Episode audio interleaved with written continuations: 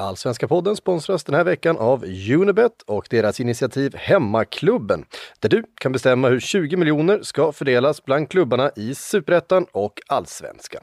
Det går till så att man går in på unibet.se, anger vilken klubb du håller på.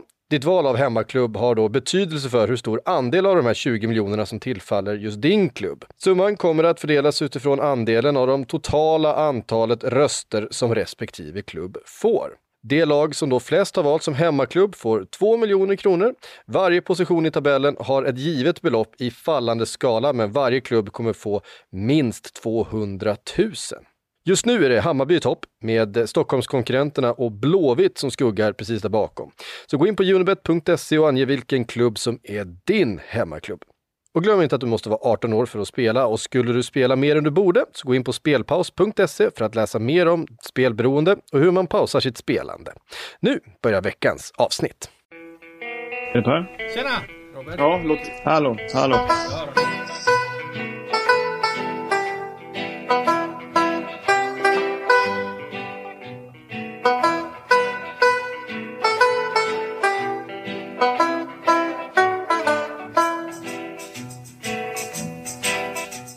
Hej och välkomna till den allsvenska podden som görs i samarbete med Robert Laul och Per Boman. Det är jag som är Laul och det är du som är Boman. Hej Per! Hej! Då har vi spelat fyra allsvenska omgångar. Tabellen ser ut ungefär likadan som förra veckan. Norrköping leder, Helsingborg ligger sist. Men med en skillnad att nykomlingen Varberg har klättrat upp till andra platsen. Vi ska gå igenom den här omgången och lite annat som bubblar eh, under ytan. Men som vanligt börja med en eh, spaning. För Per Boman, du har satt dig in i den här eh, ungdomsexplosionen. Talangarmén som stormar fram i, i olika allsvenska lag. Vi ser ju just nu fler yngre spelare än på länge i allsvenskan. Det är åtminstone känslan. Bygger din spaning på fakta också? Ja, alltså det var ju det som är grejen. Är det faktiskt så att det är fler unga spelare än tidigare eller är det bara en, en, en känsla som inte är underbyggd med eh, fakta då helt enkelt? Det var det vi funderade på. Och jag har helt enkelt gjort så att jag har gått igenom hur många spelare det är som är under 20 som har fått speltid i Allsvenskan. Så häng med här så ska ni få hela listan. Vi har i Norrköping Isak Bergman Johannesson, 17 år, har gjort 147 minuter. Ishak Abdulrazak, 18 år, 147 minuter. Manasse Koso, 18 år, 50 minuter. Tre spelare i Norrköping. Vi har Varberg. Där har vi fyra spelare. Eh, jag nämner ingen med namn för det är ingen som har gjort mer. Rasmus Kronwall har gjort 70 minuter. Sen har vi AIK, fyra spelare under 20 som har gjort, eh, eh, fått mycket speltid. Paulus Abraham 17, 290 minuter. Robin Tii 18, 295 minuter. Erik Karl 18, 64 minuter. Tom Strannegård 18, 188 minuter. Eh, Djurgården 0. Malmö FF 1 då under 20. Det är Tim Pritcha eh, som är 18 som har gjort 166 minuter. Häcken har bara en spelare som har gjort, som har gjort eh, lite spelminuter men inte riktigt mycket. Elfsborg har två men de har inte gjort särskilt mycket. Kalmar har en. Det är Isak Jansson 18, 253 minuter. IFK Göteborg har Jesper Tollinsson 17, 244 minuter. Noah Alexandersson 18, 28 minuter. Al-Hassan Yusuf 19, 335 minuter. Sirius har en spelare men det är inte mycket speltid. Örebro 0, Hammarby 0. Mjällby har väl Taylor Silverholt 18, 80 minuter. Han är 19. Falkenberg har tre spelare men ingen har gjort särskilt många minuter. ÖFK 0. Helsingborg, sista laget då, de har ju tre, fyra spelare som har mycket, fått mycket speltid. Kalle Widell 17, 259 minuter. Armin Gigovic 18, 360 minuter. Jakob Persson 19, 152 minuter. Alex Timossi Andersson 19 år gammal har ut 150 minuter. Eh, och det man kan säga är att jag brukar göra sådana här eh, tonårstalanglistor eh, på vårarna när det har gått ungefär 15 omgångar sådär eh, vilka tonåringar som varit bäst då under inledningen av, eller första halvan av säsongen. Och då brukar det vara jävligt svårt att hitta ens 10 personer, eller 10 unga spelare, som har gjort mer än eh, som har gjort mer än 100 minuter. Och redan här har vi sett att det är ja, snarare 15 spelare då kanske som har gjort eh, som har gjort över 100 minuter och flera har gjort eh, mellan 200 minuter och 300 minuter. Eh, vilket ju är man nog kan slå fast att det är definitivt fler tonåringar än tidigare som får mycket speltid. Det är en tydlig skillnad då eh, och det är ju ren eh, rå fakta som du har tagit fram då. Om jag kompletterar den här spaningen med fyra teorier eh, eh om vad det här beror på. För att om man skulle säga så här liksom att detta handlar enbart om att kvaliteten Eh, är så hög hos de här unga spelarna. Ja men då hade det ju varit så, då hade ju Sverige liksom varit på väg mot att få fram ett helt exceptionellt landslag i framtiden. Vi hade talat om en gyllene generation som skulle sakna motsvarighet i den svenska fotbollshistorien. Men jag tror inte att det är riktigt så enkelt utan jag tror att anledningen till att vi ser den här ungdomsexplosionen eh, det är att det är ett lägre tempo i matcherna. Så att det passar helt enkelt eh, mindre erfarna spelare. Det är enklare att eh, eh låta dem eh, få speltid för vi har ett lägre tempo i matcherna. Det är också en mindre press på eh, spelarna och särskilt då på unga spelare som kan vara mer känsliga för press i och med att det inte är någon publik på läktarna. Så att det blir liksom en behagligare fotbollsmiljö att sko skola in unga fotbollsspelare i. Vi har ett tajtare spelschema än vi någonsin haft tidigare. Trupperna måste rotera, så då måste man använda även de unga spelarna. Och sen det sista som jag tror är väldigt avgörande också. Det är klubbarnas ekonomi. Vi vet att coronakrisen har slagit oerhört hårt mot klubbarnas ekonomi. Man tror att just unga spelare kommer fortfarande gå att sälja på eh, den internationella transfermarknaden eh, i sommar. Och för att kunna sälja unga spelare så måste de ha spelat och, och gjort eh, bra ifrån sig. Så jag tror att de fyra eh, bitarna de styr det här i högre utsträckning än att nivån och kvaliteten eh, på, på de här talangerna är extremt mycket högre än tidigare år. Ja, nej, jag, jag skriver under på det till, till 100 procent. Jag tror liksom att det, det, är möjligt att den, att, den, att den är i viss mån lite högre än vad den var för fem år sedan. Det, det, kan, det kan stämma att det finns några fler tonåringar som är lite bättre än vad det var då. Att vägen framåt är lite, lite liksom bredare och därför är det, finns det fler intressanta spelare som får chansen. Men, men jag tror inte att det är jättemycket högre kvalitet, precis som du säger. Eh, sen finns det väl några undantag då, sådana som Isak Bergman Johannesson och Paulus Abraham. Eh, möjligen Tim Pritchard och Isak Jansson och sådär. Jesper Tollinsson. De är kanske sådana som sticker ut extra mycket. Men, men, men, eh, men i grunden så håller jag faktiskt med om alla, alla de fyra punkterna du tog upp. Jag blev faktiskt väldigt imponerad av Erik Karl i eh, AIK i den här mm. som går in i matchen mot eh, Malmö FF. Eh, och han går in med lite många av de andra talangerna där bländas vi av, av, av deras teknik och, och, skicklighet med bollen och så här. Men, men, men, det som jag var imponerad av hos den här 18-åringen då det var hårdheten i kroppen och han raderade ju mer eller mindre ut Per Bomans stora favorit Erik Larsson. Mm. För de möttes ju på, på, på, på den här kanten då. Karl låg ju till vänster och Erik Larsson ligger till höger. Eh, och, och, det gör han alltså i sin, i sin debut här och han väldigt liksom, han går, skickar, skickar ju liksom Larsson av banan där med, med en hård men eh, schysst eh, tackling i, i, i höft, höfthöjd. Så att eh, mycket imponerad av den unge Erik Karls hårdhet i spelet. Ja, och när jag nämnde ex exceptionella talanger innan så kunde jag såklart valt flera stycken till. Jag kunde säga Gigovic, man kan ju säga ja, Robin Tii, man kan säga Ishak Abdulrazak. Ja, det finns ju många intressanta tonåringar helt enkelt.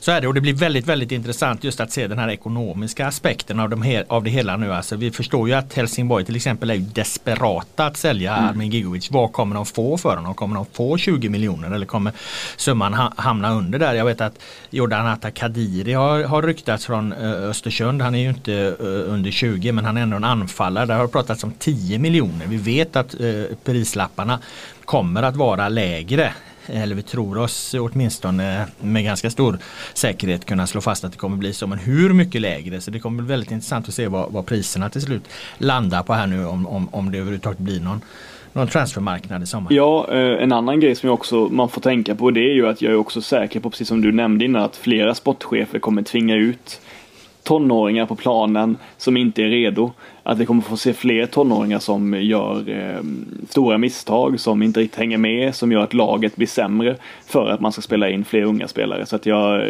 de, definitivt tror att det kommer bli fler unga spelare som inte riktigt klarar av det också, klarar av nivån. Så är det och därför är det, är det ehm, alldeles eh, för tidigt eh, att vara tvärsäker på, på exakt vad den här eh, explosionen då beror på. Men jag, jag, tror att man, man ska vara försiktig med att säga att svensk fotboll har, har liksom utvecklats något oerhört och är på väg att, att få fram en, en gyllene generation som saknar motstycke. För det finns som sagt andra aspekter som styr det här. Därmed lämnar vi din spaning Per, mycket intressant. Vi kastar oss över veckan veckans eh, eh, första ämne och omgångens, rätta mig om jag har fel, enda riktiga stormatch. AIK mot Malmö FF då på Friends. Och jag måste säga att det här var en, en förbaskat intressant fotbollsmatch som hade väldigt många olika ansikten. Eh, och där lagen hade olika kvaliteter som, som de eh, klarade av att ta fram. Så att om vi liksom bortser från att gräset var lite gropigt, för det har det väl tjatats nog om, så styrdes den här matchen av fem extremt tydliga moment skulle jag säga.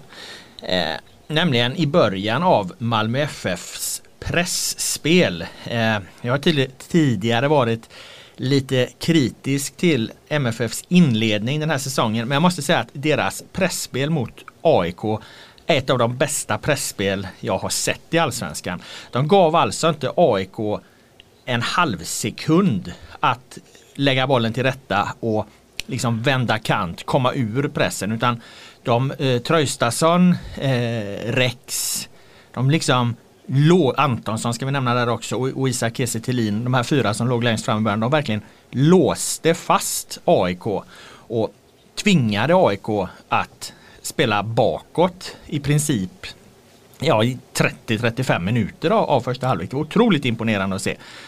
Sen hade Malmö svårt att eh, omvandla den här extremt skickliga och lyckade tidiga pressen till liksom rena målchanser. Men det är en annan diskussion. De hade ett väldigt, väldigt, väldigt, väldigt fint pressspel som kommer att tjäna dem väldigt, väldigt, väldigt väl här framöver. Det är jag helt övertygad om. Men eftersom det här var en match med många olika ansikten och eh, fem tydliga moment då, så imponerades jag nästan lika mycket av AIKs flexibilitet i det här läget. För att vi har sett AIK, eh, vi såg AIK 20 minuter i kuppen eh, mot just Malmö rulla ut Malmö bra. Vi såg dem eh, AIK rulla ut Hammarby. Bra hålla i bollen väldigt länge. Nu gick alltså inte detta. Då växlar man alltså helt spår. Jag skulle säga att hela AIKs spel i första halvlek Eh, består av att de pressas tillbaka och målvakten Haugard får plocka fram sin fina vänsterfot. Han har väldigt, väldigt fint eh, eh, tillslag.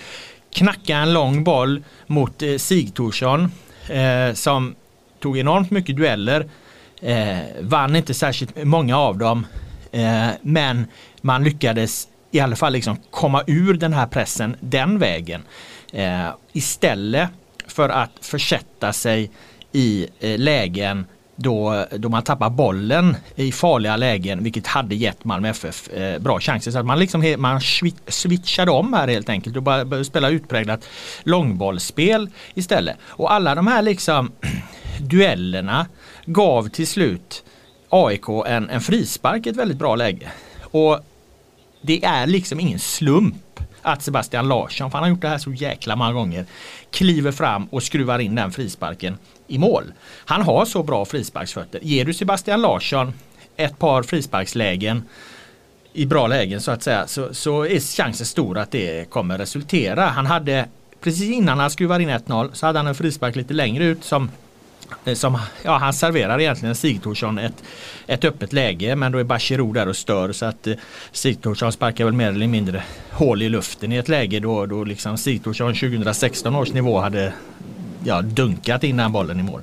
Så det var ingen slump överhuvudtaget att det här Sebastian Larssons mål eh, kommer. Och då har du 1-0 och jag menar vi vet hur viktigt första målet är. Vi vet att mål förändrar matchbilder och alla de här klyschorna. Och det är liksom ingen slump att det kommer.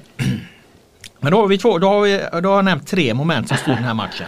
Då har vi två kvar. Och det är att vad händer i andra halvlek? Jo, då utnyttjar ju Jon Dahl Tomasson eh, väldigt, väldigt skickligt eh, det här med att, eh, att, att, att det finns fem byten att göra och att Malmö FF har en väldigt bred trupp.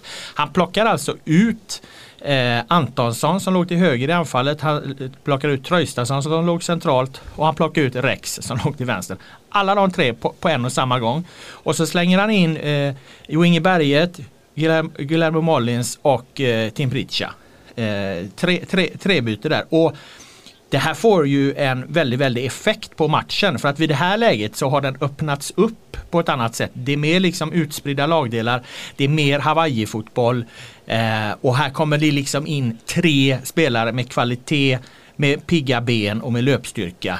Och det är, ju, det är ju till slut det här som leder till att, att eh, eh, eh Malmö kan hämta, eh, hämta upp den här, det här underläget. Eh, 1-0 har ju dessutom blivit 2-0 efter att Bilal Hussein genom en individuellt fin prestation i samband med att Malmös försvar inte, inte kliver upp och sätter press på kan skicka in 2-0. Men det här bytet gör att, att man till slut lyckas komma ikapp till, till 2-2 här. Och det sista momentet som, som spelar in här det är ju att Rickard Norling, han får ju inte överhuvudtaget i närheten eh, samma effekt som Jon Dahl Tomasson på sina byten. Tvärtom så sätter ju Norling genom sina byten nästan AIK lite i skiten när han trots fem byten inte har något kvar att göra när Per Karlsson, eh, den, den, viktigaste försvarsspelaren defensivt, går sönder och får halta runt i mittcirkeln. Så att egentligen spelar ju AIK alltså i tio minuter med en man mindre. Men det skulle jag säga heller är ingen slump för att eh, där skulle Norling helt enkelt med, med fem byten kunnat hantera det här på ett annat sätt. Så hade det, hade det funnits ett byte kvar att göra. Får man bryta in där så angående Norling? Så att ja, jag var klar där för att det är de här fem delarna som egentligen styr den här matchen som har väldigt många olika ansikten men är väldigt intressant. Jag tycker det är en väldigt bra,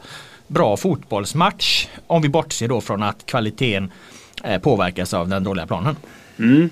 Eh, men några frågor då har jag ändå när jag har lyssnat på det den här intressanta utläggningen då. Och eh, första är liksom det här med att Rickard Norling då eh, bränner alla byten. Eh, och att han inte kan byta ut en skada Per Karlsson. Hur stort misstag är det? Om du ska liksom föra över det på en spelare, är det som att missa öppet mål ungefär? Eller är det, är det ett mindre misstag än det? Ja, ja det kostar ju AIK två poäng. Eh, så att det, det, är väl precis där man ska lägga det. Eh, vi kan ju inte säga till 100% att det kostar AIK eh, två poäng. Men, men eh, jag menar chanserna att bevaka en, eh, en ledning mot slutet hade ju varit oerhört mycket större om, eh, om de hade haft, kunnat göra sitt byte. Eh, så att eh, det, det rimligaste är väl helt enkelt att säga att, att om du vill ha, ha en bedömning av graden på Rickard Norlings misstag så var det att den kostade två poäng. Um, och sen tänkte jag på, vi pratade mycket om Malmö förra veckan och nu du låter klart positiv till, till uh, den, här, uh, den här insatsen. Nu när du såg Malmö, kan du säga med 100% säkerhet nu att de kommer vara med, eller att de är liksom, att de är riktigt bra? Jag blev ruggigt imponerad av det här eh, pressspelet. Sätter de det med den övertygelse som de gjorde Eh, Eh, då kommer de, eh, alltså jag, jag, har aldrig tvivlat på att Malmö egentligen kommer vara ett topp tre-lag. Eh, och jag är heller inte helt säker på att de kommer vinna allsvenskan för det har de inte gjort de två senaste åren. Men däremot, sätter de eh, det här pressspelet med den här övertygelsen så, så kommer de vara väldigt, väldigt bra, absolut. Men jag är fortfarande inte säker på att de har Eh, att de har eh, ja, men den motivationen och, och, att de kommer ha den viljan i alla matcher med tomma läktare, de här liksom stjärnorna och så. Nu mötte de AIK, jag menar det är en särskilt speciell laddning eh, i, i de här matcherna. Eh, jag är inte övertygad om att de bara för att de satte det här väldigt bra i den här matchen att de kommer sätta den väldigt, väldigt bra i alla andra matcher över en lång säsong. Och så. Men gör de det, om Jon Dahl Tomasson lyckas få dem och, och och verkligen kliva ut och ta det här. För det är ju inte så jävla roligt att hålla på och jaga sådär. Särskilt inte om man kanske tycker att man är jävligt mycket bättre än alla andra som jag tror att de, många Malmö-spelare tycker. Kanske inte är så jävla roligt att hålla på och jaga, jaga, jaga, jaga. Men gör de det så kommer det betala sig väldigt bra och det behöver ju Jon Dahl Tomasson övertyga spelarna om att göra i 90 minuter i, i, i varje match här framöver. Mm. Nej, intressant. Var det, du hade inga fler Nej, det var två. Det var, det var på, två. På, eh, på, den eh, matchen? Nej, nej, men som sagt, så att det där var en väldigt eh, intressant fotbollsmatch. Och eh, ska man liksom ja, ska man eh, väga samman allt det här så, så är jag ju fortfarande ändå mer imponerad av AIKs insats. För, för som vi var inne på tidigare med de här unga spelarna eh, så gör de det här väldigt, väldigt bra. De, de, de hanterar liksom en ny sorts ma matchbild, ett, ett, ett svårt motstånd på ett klart bättre sätt än de bara gjorde några dagar innan i, i, i Svenska Cupen. Då. Så att eh, jag är fort, fortsatt väldigt, väldigt imponerad av AIK 2020 måste jag säga och jag är eh, väldigt övertygad om att det här vägvalet de har gjort nu, den här för, förändringen AIK har gjort kommer vara otroligt eh, nyttig, bra och viktig för AIK. Den kommer bli väldigt bra på sikt. Mm. Därmed lämnar vi stormatchen och går över till kalabaliken i Sölvesborg. Per Boman, du var ju på plats där och jag måste fråga eh, eller jag måste påstå, så ska du få bemöta det påståendet. För jag upplever att det här var en klinisk Mjällby-seger där liksom domsluten inte hade något som helst att göra med resultatet. 2-1 till Mjällby men där liksom snudd på då empatilösa företrädare för en förening som jag menar sviker sina egna värderingar väljer att lägga all skit på en person. Nämligen domaren Viktor Wolf, Wolf då, som åker dit och gör sitt jobb och dessutom gör ett bra jobb. Men där sportchefen Jansson, tränaren Bilbon och landslagsspelaren Tankovic driver igång liksom den här nätmobben för att ge sig på en domare igen. Jag tycker det är uselt. Um, ja men ska man, ska man gå igenom matchen lite till att börja med så är det ju en faktiskt väldigt bra inledning av, eh, av Hammarby. Um, tycker de får bra rull på bollen, tycker de får igång Andersen och Bojanic ihop. Uh, och gör ju mål väldigt tidigt där med, med eh, ganska otypiskt Hammarby-anfall via långboll, skarp från Kacaniklic och sen ett, en fin genomlöpning av Tankovic och ett mycket iskallt avslut. Um, och har en del chanser um, även efter det liksom. Spelar ganska bra, småtrevligt, 3 plus. Uh, samtidigt så är ju Mjällby ett obehagligt lag för just Hammarby att möta eftersom de är så uh, Alltså de, de, de är inte liksom, de är inga, de är inga brutes liksom. Det är inte så att de bara spelar ingen Championship-fotboll utan de, de kan kombinera ett kopparsmingsspel men också med den typ av attack som är ganska jobbiga för Hammarby att, att hantera. Alltså lite längre bollar bakom egen backlinje plus inläggsspel. Um, och jag beskrev Jakob Bergström då, han som har gjort mål från division 4 upp till allsvenskan nu och 25 år gammal. Han som en skenande elefant när han, när han, när han bara sprang sönder Hammarby i viss mån och även då dominerade stort i straffområdet med inläggssituationer. Och det hade Hammarby problem med även innan, innan då Rickard Magyar eh, på ett juniormässigt sätt låter en långboll gå över sig själv, har inte koll på Bergström som kommer förbi honom drar och sliter i honom på ett, på ett korkat sätt eh, och på ett sätt som då domaren eh, bedömer fortsätter in i straffområdet. Eh, vilket det går inte att säga någonting om. Det, då, då, blir det ju eh, då blir det ju straff och så blir det rött kort eftersom då domaren inte tycker att med den här regeln då inte tycker att, eh, att spelaren har en chans att nå bollen utan bara är spelförstörande. Eh, Eh, sen så räddar ju faktiskt David Oseld straffen mycket bra så att, så att, att det blev straff borde inte vara en sån jättestor grej i efterhand kan man inte tycka. Det borde vara lite skitsamma. Eh, och efter det så, så eh, måste jag faktiskt säga att, att om man tar rätt spelmässigt så försvarar sig Hammarby på ett, på ett eh, överraskande bra sätt första halvtimmen i andra halvlek eh, om man ser dem en man mindre. Ehm, det var ganska lojalt slit av en sån som Tankovic som gjorde 120 minuter i kuppen innan. Han borde varit helt död liksom. Men han sliter djävulskt bra som en slags defensiv ytter och likaså med Kacaniklic på andra kanten. Eh, och då försöker liksom Mjällby trilla boll lite för mycket. De, de, försöker, de försöker penetrera eh, Hammarby genom liksom instick och så vidare. All den, den typen av saker. Men, men ah, det blir först farligt egentligen sista kvarten när de börjar dunka in långboll efter långboll, inlägg efter inlägg från liksom väldigt bra positioner. Jakob Bergström vinner säkert tre bollar innan han till slut gör 1-1 i slutet och sen gör Ågby 2-1 då. Och det går ju inte att säga någonting om att det var inte orättvist att Mjällby lyckades forcera in två mål. De, de var så, såklart det bättre laget med en man, med en man mer och de var inte ett jättemycket sämre lag när de var lika många heller. Så att det, det var inte orättvist på något sätt.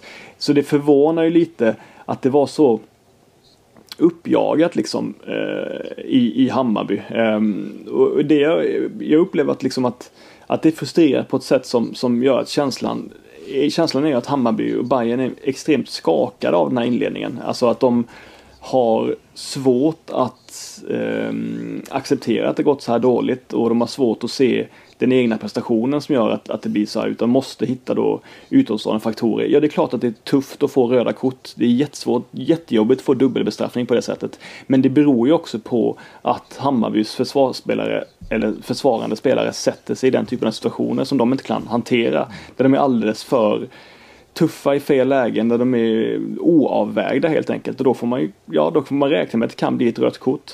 Eh, så jag menar det, det, eh, det, det, det, var, det är ju ett sätt att skydda sig själva såklart att gå på så hårt mot domaren och det... det, mm, ja, det... Men de skyddar inte sig själva menar på utan de gräver sig bara djupare djupare ner i, i gropen. Jag menar det Hammarby måste förstå är ju att de har nu spelat, om vi väger samman 2019-2020, för de har ungefär samma lag. De har spelat sju gräsmatcher och de har vunnit en av dem och det var mot Falkenberg mm. eh, eh borta. Hammarby är ett utpräglat konstgräslag. När man säger det här så protesterar alla. Men det eh, målar ju bara in dem ännu mer i ett hörn. De, de kan inte spela fotboll på samma sätt på gräs. Därför får de mycket, mycket större problem när de spelar fotboll på gräs. Att Richard Magyar hamnar i den här situationen exempelvis eh, kan ju mycket väl bero på, på hur han hanterar studsen och, och bollen mm. och, och, hur han taj, tajmar situationen. Så jag menar, de måste ju ta hänsyn till de här till de här äh, sakerna. Ja, men jag, ty jag, tycker inte att det, jag tycker inte att gräsgrejen eh, var, var den stora saken i den här matchen. Det tycker jag verkligen inte. Alltså det, det, det, jag... Nej men man måste kunna se den röda tråden. Man måste kunna förstå jo, att var, när, när saker upprepar sig, upprepar sig, upprepar jo, men... sig och det uppstår nya situationer he hela tiden.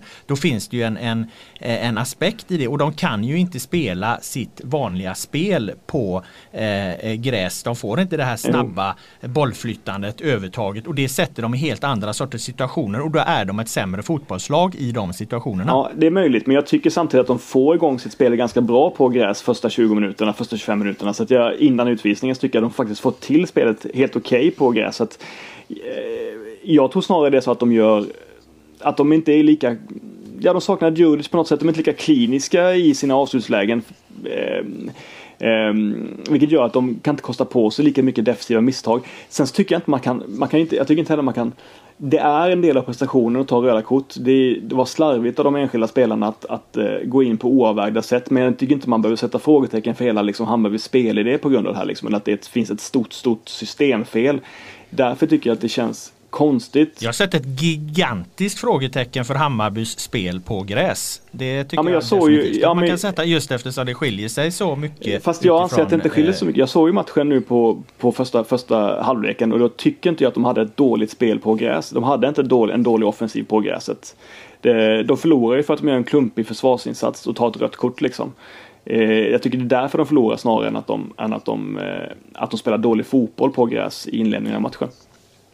I så fall så har de ju blivit oerhört mycket bättre att spela på gräs. För att jag såg deras gräsmatcher i fjol och de var inte, ingen kan få mig att tycka att Hammarby spelar ens i närheten av samma fotboll på gräs som de gör på konstgräs och särskilt på sin eh, hemmaplan. Det var enorm skillnad på eh, hur, för att jag menar hela, hela deras liksom fotbollsstrategi den bygger ju att de flyttar, den bygger på att de flyttar bollen så snabbt så att det uppstår luckor i motståndarnas lagdelar och de där kan med sina passningsskickliga spelare trä in bollen.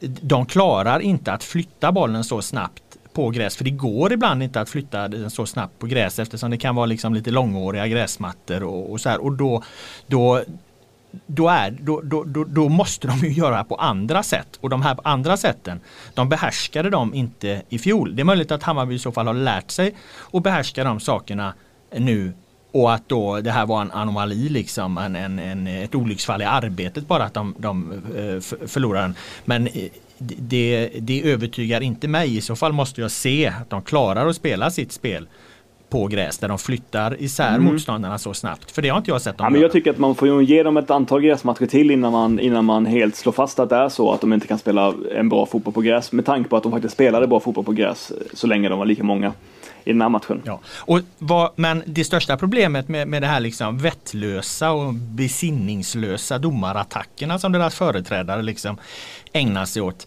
Eh, det är ju också att domaren har inte haft en negativ påverkan för dem i de här matchen. Det är helt korrekta eh, beslut som domaren tar. Det är beslut som alla domare framöver kommer fortsätta att ta eh, mot Hammarby. Så om man då hela tiden fokuserar på något som inte kommer ha någon effekt för Hammarbys eh, prestation. De kommer fortsätta åka på sådana här utvisningar om deras spelare upp, uppträder sådär. Då har de ju inte, då har de inte kommit någonstans. Då står de liksom kvar och stampar på ruta ett istället för att ta tag i sina egna problem som kan göra dem bättre. Förstår du vad jag menar? Man vill liksom fokusera på, på någonting som inte har någon effekt för prestationen istället för att fokusera på, på det de själva kan göra, det vill säga förbättra sin eh, eh prestation. Så att jag menar det här liksom som jag menar dels beskriver tycker jag det då liksom är, är, totalt empatilöst mot domaren som åkt dit och gjort ett, ett bra jobb och att, att Hammarbyledare och landslagsspelare liksom nedlåter sig med att ha sådana här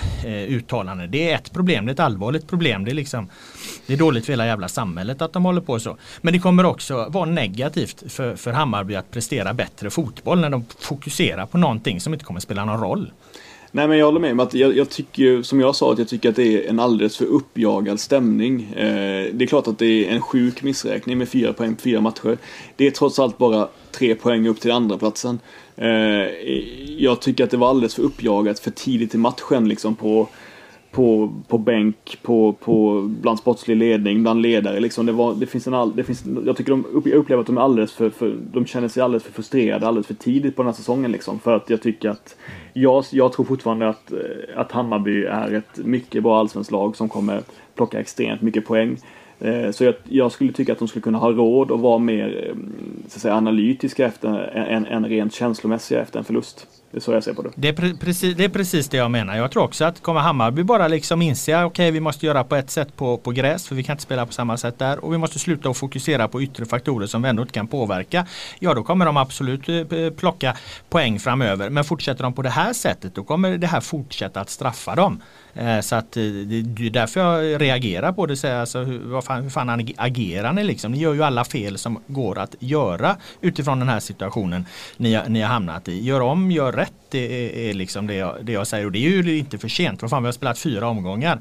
Det, det är klart att, att, att, att Hammarby precis som du säger, kommer ta en jäkla massa poäng om de inte fortsätter att gräva sig djupare och djupare ner i den här gropen. Men det kan de ju själva påverka. De kan sluta och, och, och gräva och bara klättra istället. Men jag tror det kan bero på också att, att eh, på samma sätt som att medierna och, och den allmänna liksom, allsvenska fotbollsintresserade har haft extremt höga krav på Hammarby i år och extremt höga förväntningar så, så antar jag att även spelarna och ledarna har extremt höga förväntningar på, på Hammarby i år. Att de, de vet att det här är ett år de kan vinna guld och ja, då, de är helt enkelt ovana vid den, vid den situationen och lite ovana vid den pressen och, och kan inte just nu riktigt hantera det.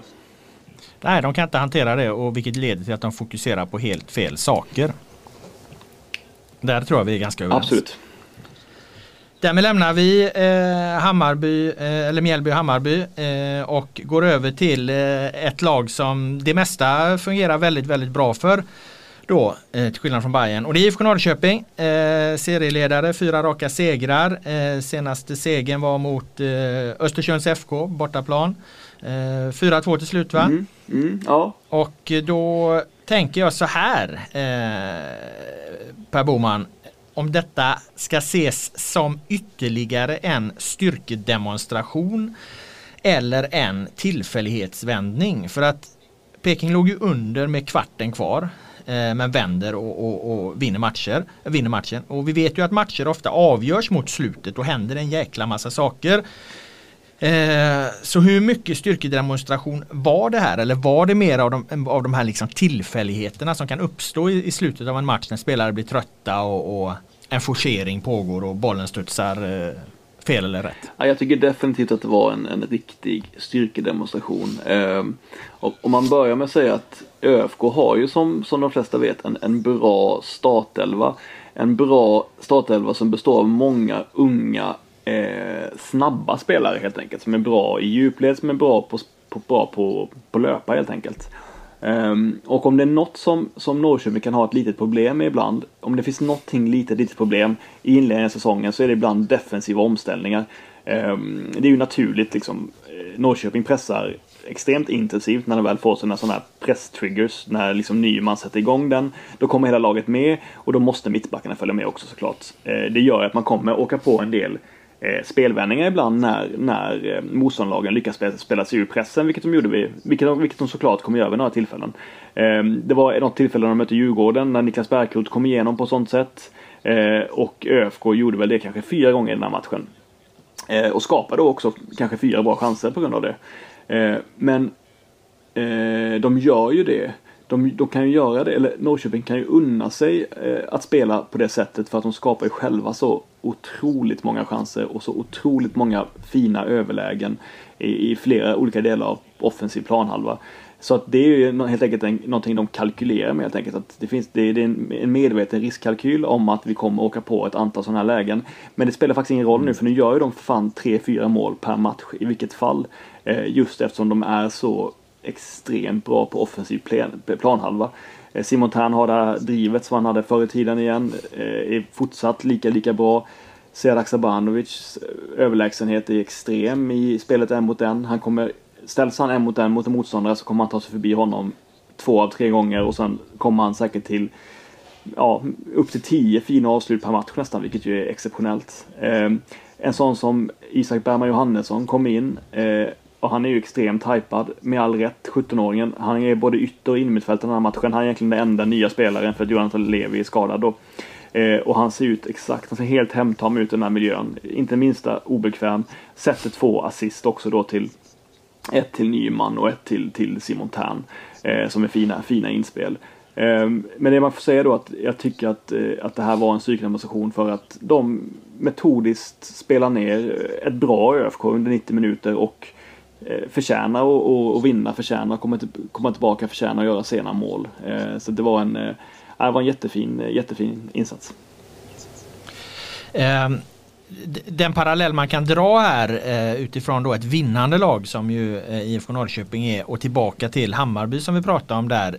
Det är ju den här liksom betydelsen av att faktiskt göra många mål och vinna matcher ganska stort. För att ibland så undervärderar man betydelsen av att, av att liksom vinna med 3-0 eh, jämfört med att vinna med 1-0. Eh, även om det ger exakt lika många poäng givetvis så är det ju att om du hela tiden vinner dina matcher Eh, med 1-0 eller du hela tiden liksom opererar med så små eh, marginaler så blir alla liksom de här situationerna som, som kan uppstå, bedömningssituationerna, de blir liksom så, så känslomässigt mycket mer påverkande ifall liksom en, en, en, en 50-50 duell renderar i en, i en frispark som leder till ett, ett, ett mål för det andra laget. Och det målet då betyder 1-1 istället för att det betyder 3 så tillskriver man ju den här liksom 50-50 situationen ett sånt oerhört värde och, och, och sen får det liksom, kan det leda i negativa spiraler medan om du har en 3-0 ledning och, och, släpper in ett, ett, mål på slutet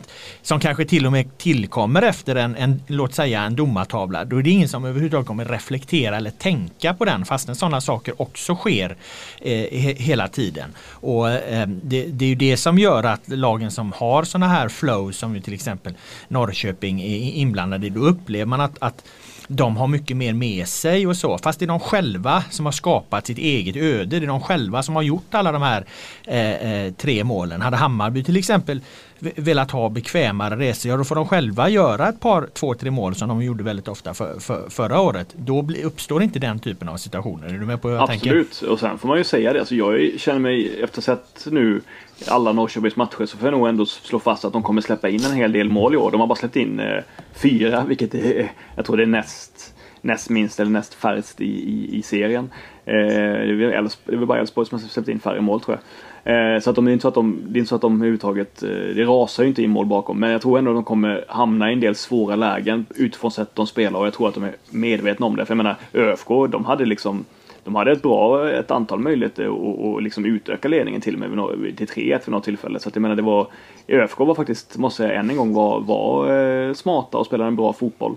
Men att det är så oerhört svårt att hålla och, och, och insläppa in mycket mål mot Norrköping helt enkelt. När de har en sån som Simon Tern och Kristoffer Nyman som, som spelar på, eh, på sin högsta nivå, vilket de inte gjorde förra året. Och då det är klart att Norrköping blir mycket, mycket bättre lag då.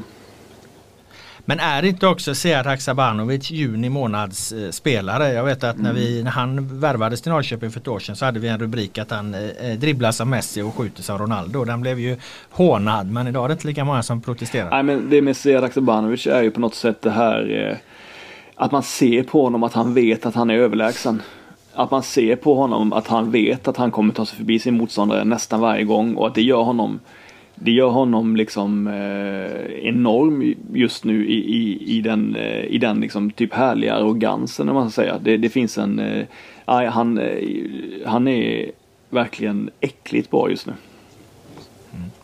Eh, nästa match möter de ju eh, Elfsborg. Jag ska eh, skriva om den så att vi ser fram emot eh, den matchen. Därmed lämnar vi IFK Norrköping, serieledarna och eh, eh, går över till ett annat lag som gjorde mycket mål senaste omgången. Det var ju nämligen Djurgården för där kan man verkligen prata om en islossning då. Då undrar man ju om ordningen är återställd eller vad som egentligen hände på Tele2 Arena. För att regerande mästarna har ju haft en ganska knackig start men vinner då med 5-0 mot Kalmar FF som har haft en ganska bra start.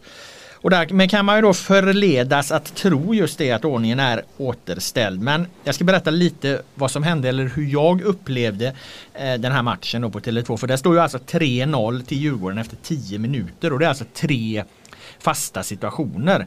Eh, det är ett förvisso ett väldigt, väldigt bra eh, anfall som leder fram till Djurgårdens första straff här för att de liksom flyttar över eh, hela Kalmar eh, ut på Kalmars högerkant, Djurgårdens vänsterkant och sen får de snabbt in bollen centralt och där kommer Kalle Holmberg till avslut och så tar han på en hand och så blir det straff som Fredrik Ulvestad eh, säkert eh, sätter i mål då. Och sen är det ytterligare då två fasta situationer inom loppet av, av tio minuter. En inläggsfri spark och eh, eh, Ulvestad igen då som gör mål efter en väldigt tafatt rensning av Viktor Elm och sen är det en Frispark av eh, Jonathan Augustinsson, en jättefin frispark. Och det är 3-0 10 minuter, då är matchen såklart. Matchen är ju liksom över och matchen är då alltså över mer eller mindre på på tre fasta situationer och ett, ett väldigt bra inledande an, anfall. Så att jag drar faktiskt inte några för stora växlar på det här. Vi vet att Djurgården är bra på fasta situationer. De var bra på det eh, förra året. De kommer förmodligen fortsätta vara det. Men jag tar inte det här liksom som en intäkt för att nu fungerar eh, Djurgårdens spel så bra att de kommer fortsätta köra över lag efter lag med 5-0 i allsvenskan bra liksom. Utan, utan det här var något annat. Jag vet inte om du håller med om den bilden? Nej, jag såg inte, jag har inte sett alls eh, någonting från från eh, matchen så att jag kan inte, jag kan faktiskt inte ge mig in i den djungeln. Ehm, men, men... Eh, Då får vi låta min eh, tes Ja, och samtidigt man kan väl säga så här. Djurgården kan ju inte göra mer än vad de gjorde i alla fall. De kan ju inte, de kan ju inte prestera en bättre insats än vad de gjorde den här matchen. Sen får man se vad, vad det kommer, vad de, hur de kan bygga vidare på den helt enkelt. De har ju en väldigt svår match härnäst mot Malmö. Eh, så är det. Jag tyckte att det var intressant att han valde att byta målvakt. Mm. För jag tycker att man kan säga Eh, väldigt mycket om Tommy Vaiho. Han gick ju sannoliken på vatten under guldhösten där eh, 2019. Men, men jag har liksom hela tiden haft eh, men tänkt i de här tankarna, termerna och sagt, sagt det många gånger också att, att eh, någonstans finns det en anledning till att han har varit andra målvakt så mycket under sin karriär att ingen riktigt har velat satsa på honom som första målvakt. Och, eh, eh, under de tre första matcherna så kan man ju prata om, om att i alla fall två mål, det sista mot Örebro och eh, det första mot Norrköping får ju faktiskt Vaiho eh, kanske ta på sig helt enkelt. Så att eh, där är det ju resolut och snabbt agerat av, av Djurgårdens tränarduo då Kim Bergstrand Thomas Lagerlöf att Ja, ta koll på situationen helt enkelt. Eh, förmodligen notera att PK Bråtveit eh, är i slag och, och brinner av, av liksom längtan efter att få, få stå i mål igen. Eh, jag intervjuade ju honom då i, mm, i veckan, veckan innan, några dagar innan den här matchen. Och han var ju väldigt, väldigt tydlig på att han skulle ta tillbaka den här platsen och att det här var han som skulle vara, vara nummer ett. Och han sa ju det på ett bra sätt tycker jag utan att på något sätt liksom eh, ja, skapa något gentemot Vajo då utan bara helt enkelt att att han var så jävla motiverad efter att ha, ha den här platsen. Och, och jag menar, ja, nu var inte det den svåraste matchen men det var en bra match för, för Bråtveit att komma, komma in i här och han gör ju en hel del bra grejer också. Så att han fick verkligen en, en bra start. Men nu blir det ju som du säger, det är ju verkligen upp till bevis för honom mot, eh, mot eh, Malmö FF. Nej, men det är lite imponerande hur, hur raka de kan vara, Bergstrand och Lagerlöf där. Att de, att de kan byta, byta så fram och tillbaka utan att det blir någon stor grej egentligen. För att de har det mandatet i, i den klubben att göra den typen av förändringar. Det tycker jag är precis lika rimligt att byta ut Varjo nu som det var att byta ut Bråtveit förra året. Så att nej, de är, de är starka ledare. Ja, därmed lämnar vi eh, Djurgården-Kalmar. Eh, om du inte har något mer att säga om Nej. den och ger oss på eh, IK Sirius mot IFK Göteborg. Eh, den här matchen slutade ju då 2-2 efter att Sirius tagit ledningen två gånger eller efter att IFK Göteborg hamnat i underläge två gånger. Totalt har Blåvitt nu hamnat i sex underlägen i årets allsvenska. Bara lyckats vända en match till seger så är inte detta ett systemfel. Så säg Blåvitt måste sluta släppa in första målet, målet annars kommer den här eh, säsongen bli riktigt, riktigt jobbig för IFK. Göteborg. Men det där vet ju alla redan. Eh, så låt oss prata lite om Sirius istället. För att eh, du och jag har resonerat lite innan här. Vi har ju båda tippat Sirius eh, som en nedflyttningskandidat helt enkelt. Men att de kanske är på riktigt som vi brukar säga. Ja, nej men jag, jag var ju väldigt skeptisk till Sirius eh, i år. Jag tyckte att de hade tappat så många andra. De tappat många viktiga spelare. Jag litade inte på att de här eh, spelarna de har skulle kunna ta steget upp och och var, få ihop en stark enhet. Jag, liksom, jag, jag visste inte ifall en Bäcken skulle kunna vara bra över en säsong. Jag var osäker på om Elias Andersson kan bli liksom en 4 spelare i Allsvenskan. Eh, liksom kan Mohamed Said vara liksom, fan vet jag, länkande center. Eh, jag kan, ingen kan ju påstå att de visste att Adam Hellborg skulle se hur trygg ut som helst på ett innermittfält eller att Daniel, Daniel Jarl skulle vara bra, är så bra som, som han har varit. Eh, jag i och för sig hade han problem att Paka Lagermyr senast, men som central mittback. Så att, eh, eller mittback. Så att jag, jag, eh, jag var jättefundersam till Sirius. Jag trodde verkligen att det skulle bli Eh, om man ska säga så lite, lite reliant och slappt, att det skulle bli juniorfotboll och att de skulle åka rakt ur eh, allsvenskan då. Men eh, de ser ju onekligen bra ut. Vad, vad gjorde de bra mot Blåvitt? Ja, men då, det, det som Sirius eh, är väldigt, gör väldigt bra det är ju att de, de, har, de har sitt spel och de gör sin grej och, och, den innebär ju att de eh, har mycket boll och att de klarar att hålla i bollen. Och, och när, när, när de får det att fungera eh, så lyckas de ju tack vare ja, sitt passningsspel i grunden. Alltså de lyckas ju ha, trots eh, ett, ett icke särskilt namnkunnigt lag så, så lyckas de ju, ju, ha ett högkvalitativt eh, passningsspel eh, som gör att de håller motståndarna ifrån sig i många delar och jag tror att ja, du rabblade upp en, en, en hel del av spelarna där och så. Det är klart att de, många av dem har imponerat men man måste nog också tillskriva mm. tränaren Henrik eh, Rydström. För att det är många som har försökt att eh, med små medel och, och ja, från, trän, från, från sidan helt enkelt från trä, ur tränarperspektivet då att, att få ett eh, lag att överprestera. men det tycker jag att Henrik Rydström har fått så här långt med, med det här Sirius-laget. Jag tänkte inför säsongen att, att de var extremt beroende av tre spelare. Eh, och det var Robert Oman Persson, Sam Lundholm och, och Stefano Vecchia. Och, och, jag menar Robert Oman Persson la ju av innan säsongen ens han började. Eh, Sam Lundholm vet jag inte, han är fortfarande skadad va? Han har spelat någonting? Nej, inte alls mycket. Ing, ingenting nästan nej. tror jag. nej, nej, nej. Eh, och Stefano Vecchia då har ju varit jättebra och han, han är ju, skulle jag säga då kanske Sirius eh, bästa spelare. Han är ju en riktig kvalitetsspelare såklart. Men, men, att utan de här tre liksom så att jag tyckte att det kändes ganska så tryggt då om vi ska använda det ordet att eh, ha en förhandsinställning till Sirius eh, som ett eh, bottenlag. Men, eh, men hittills har de ju eh, presterat eh, klart bättre än så. Och, det har ju också synts i poängen. Jag menar jämför du med då de andra två nedstigningskandidaterna som vi har. Det är ju Östersund och Helsingborg då i första hand. Så är det ju, är det ju ja Sirius är ju resor bättre hittills. Sen så Därmed, ja, därmed, ja, jag måste bara lägga till det, därmed inte sagt att jag är helt övertygad om, om Sirius för att de, de, de, de har en hel del svagheter också i, i, i sitt spel. De släpper till ganska så enkla mål.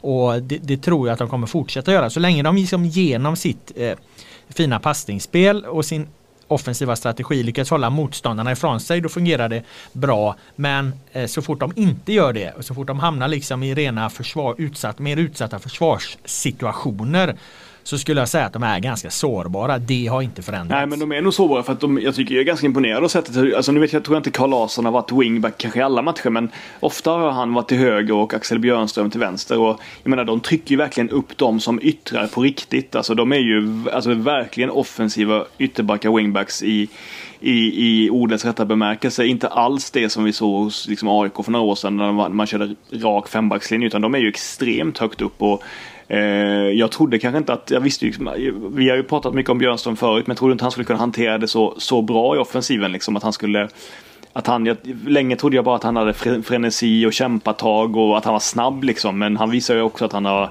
bra speluppfattning och så vidare.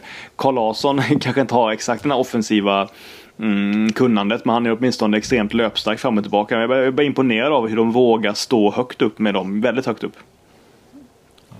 Sen är ju den här eh, japanen också är ju jävligt fin. Sugita. Han? han är ju jävligt, Ja, han är ju jävligt fin alltså. Han har ju en, en extrem arbetskapacitet och är otroligt delaktig och så. Visst, han, han, han ibland så tappar han någon boll eh, kanske och så. Men, men, men han är jävligt, jävligt rörlig och, och, och, delaktig i spelet eh, hela tiden. Han är faktiskt en, en eh, en väldigt positiv överraskning på mig. Ja, Sugita han var ju en sån som hypades extremt mycket när han var i Dark riktigt. Sen tycker inte jag att eh, man fick se så mycket av det sen eh, väl i Allsvenskan liksom, så jag var lite besviken på honom då. Men nu verkar det ju verkligen ha kommit igång.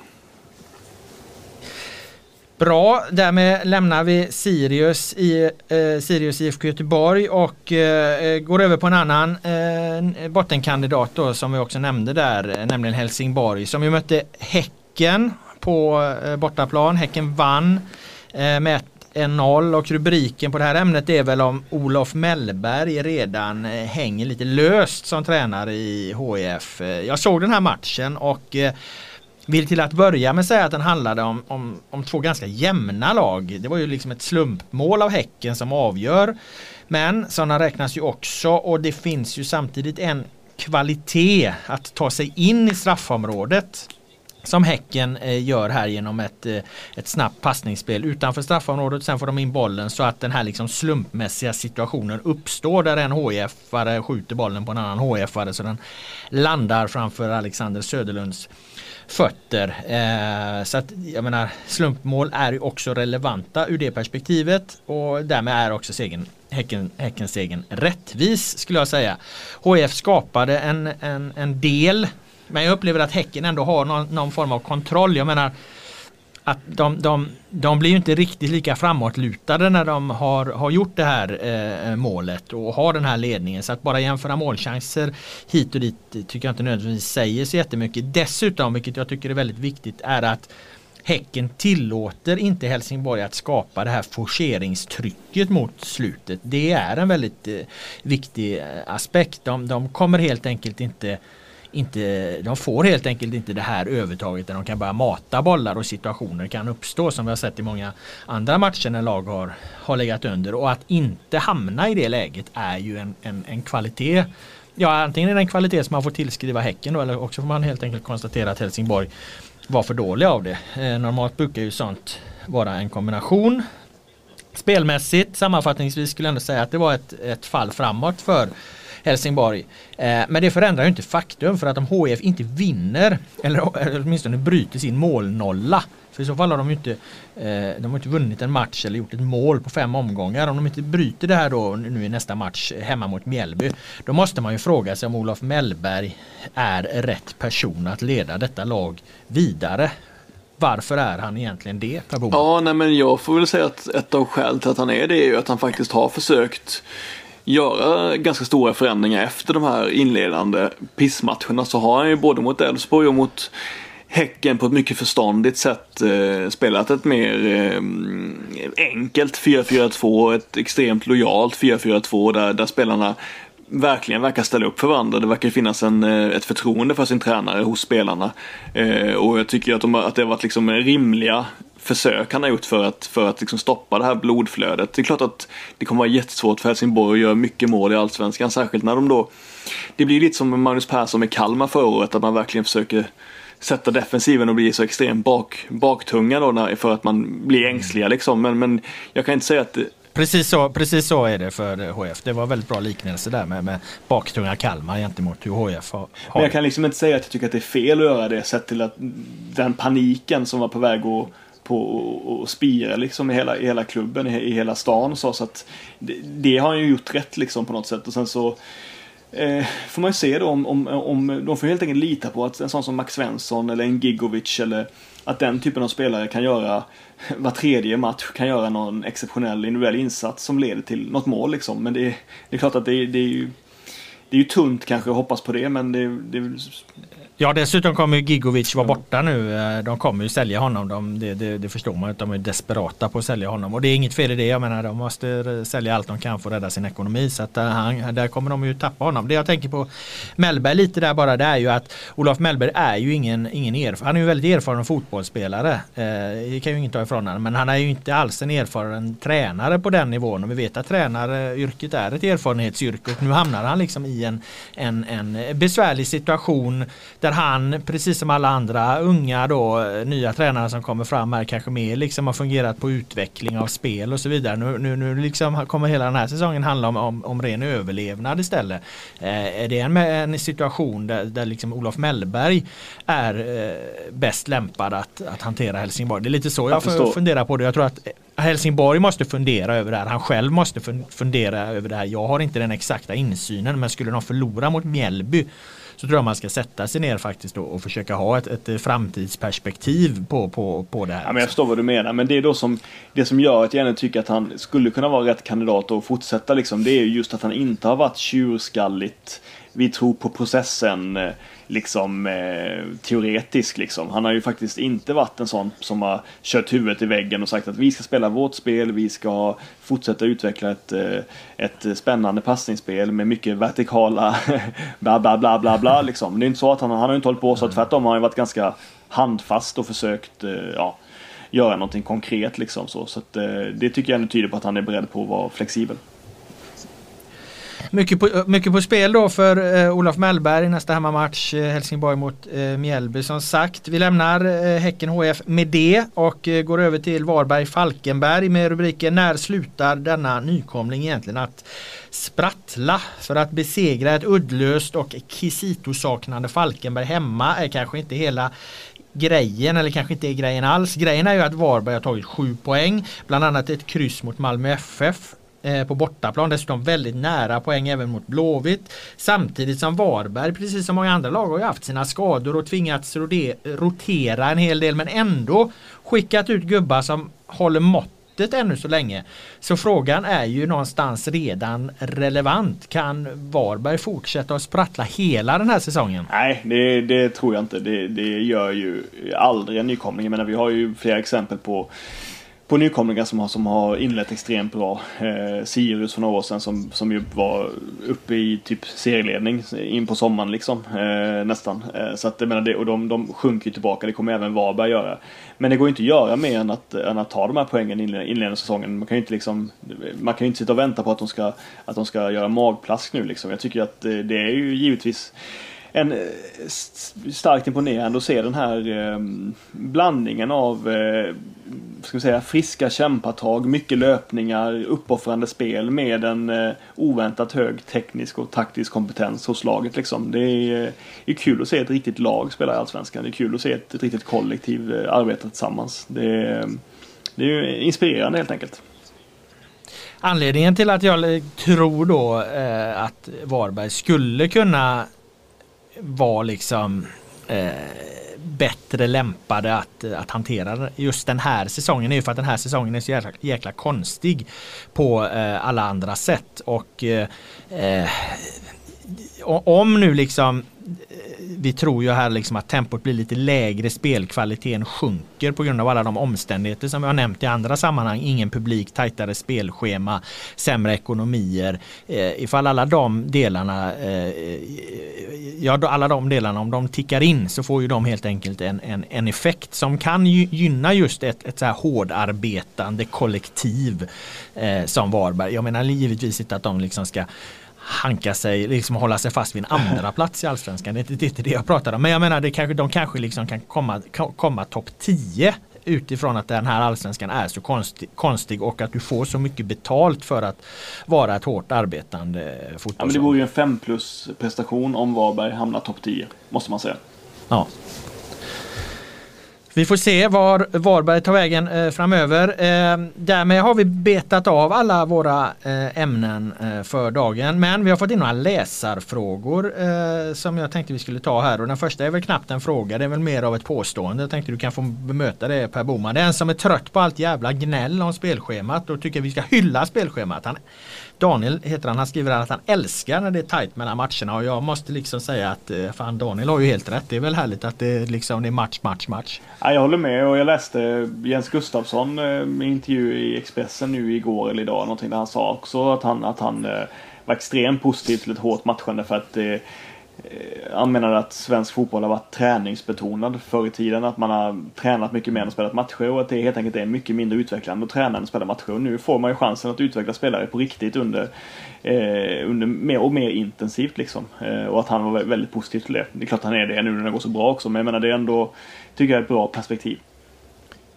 Jag tror också att det är en signal för klubbar som Hammarby, Blåvitt, vi vet som gnäller mycket om allt mellan himmel och jord. Det, liksom, det handlar liksom om att omfamna de här sakerna. Jag tror att det kommer att ge mycket mer positiv energi. Där tycker jag Jens Gustafsson är oerhört smart. Eh, för att det han säger där det är ju förmodligen det ledarskapet han, han har liksom. Och istället för att gå runt och hänga upp sig på, på ma massa elände så omfamnar man här liksom att det är ett, ett tajt spelschema, att det är matcher hela tiden. Då får man något positivt istället för lag som då går runt och gnäller på att det blir skador och rotationer och fan och hans moster. Eh, vi har ytterligare läsarfråga här. Vi har eh, Henrik. Han tycker att vi ska ha en ny diskussion om VAR. Behövs det Nej. Per Boman? Bra, då lämnar vi det. Eh, hur kan det vara tillåtet att ha tejpade nummer på tröjan eh, undrar Jones. Och varför inte en regel om att man, alla lag måste ha sitt namn på tröjan? det låter som ett enormt icke-problem måste jag säga. Att det är, man är en riktig paragrafryttare och om, om, man nu reagerar på det och vill ha någon slags disciplinärende på det. Eh, alltså det... Ja men det var ju utifrån, det var ju ja, någon Falkenberg-spelare, men fan var det som hade tejpat över där. Bilden har ju blivit viral där. Tröja nummer 23 var övertejpad till nummer, tröja nummer 24. Alltså jag, jag, jag inser att, liksom, att det är liksom nästan övertydligt och att det är så givet att man ska, att man ska tycka om det. Men jag tycker om, jag tycker om det väldigt mycket. Det är, det är väl alldeles utmärkt att uh, jag tycker Allsvenskan ska vara en folkrörelseserie och inte någon glamour. Så det var fint. Ja, jag tyckte faktiskt också att det var ganska vackert det där. Det, det, det glädjer, glädjer mig någonstans att det fortfarande kan uppstå sådana eh, situationer. Jag tror att på samma sätt som man får omfamna det tajta spelschemat får man också eh, omfamna det här. Och, och att eh, ha eh, namn på alla tröjor, eh, införa det som någon slags regel. Det fick ju den här Jones då faktiskt vara. det var en domare som la sig i, i på Twitter för det var där jag samlade in de här, de här frågorna. Han sa att i så fall måste man ha, ha det ända ner till division 7 liksom. Och, och det kan bli tufft för, för liksom division 7-lagen att springa runt med namn på tröjorna även om de förmodligen skulle tycka det var ganska roligt. Eh, till sist Per Boman åker Östersunds FK och IK Sirius ur allsvenskan medan Helsingborg får kvala. nej, nej. Nu, eh, nu är det väl snarare då Helsingborg och ÖFK som ligger illa till. Men om jag skulle säga någonting så just nu om jag ska ha det här flytande tipset så är det då Falkenberg och HF som åker ur. Jag tycker jag har sett så mycket av Östersund som ändå varit positivt framförallt mot Norrköping att jag, jag tror att de kommer kunna skramla ihop tillräckligt mycket poäng. Spännande, det finns 26 omgångar kvar att ändra dig på. Eh, men det här var allt vi hade för idag. Jag tackar dig Per Boman som var här med dina kloka synpunkter och åsikter. Och jag tackar alla som har lyssnat. Den allsvenska podden är tillbaka nästa vecka. Nu blir det The Village Stompers med Washington Square. Exakt en timme. Ja, så tolkar jag det. Eh, nu måste jag hänga av med luren här för att stoppa inspelningen. Men eh, eh, jag, ringer när jag har eh, gjort klart med podden bara så kan vi bestämma vilka spelare vi skriver på där. Eh, på eh, månadens elva Bra, hej.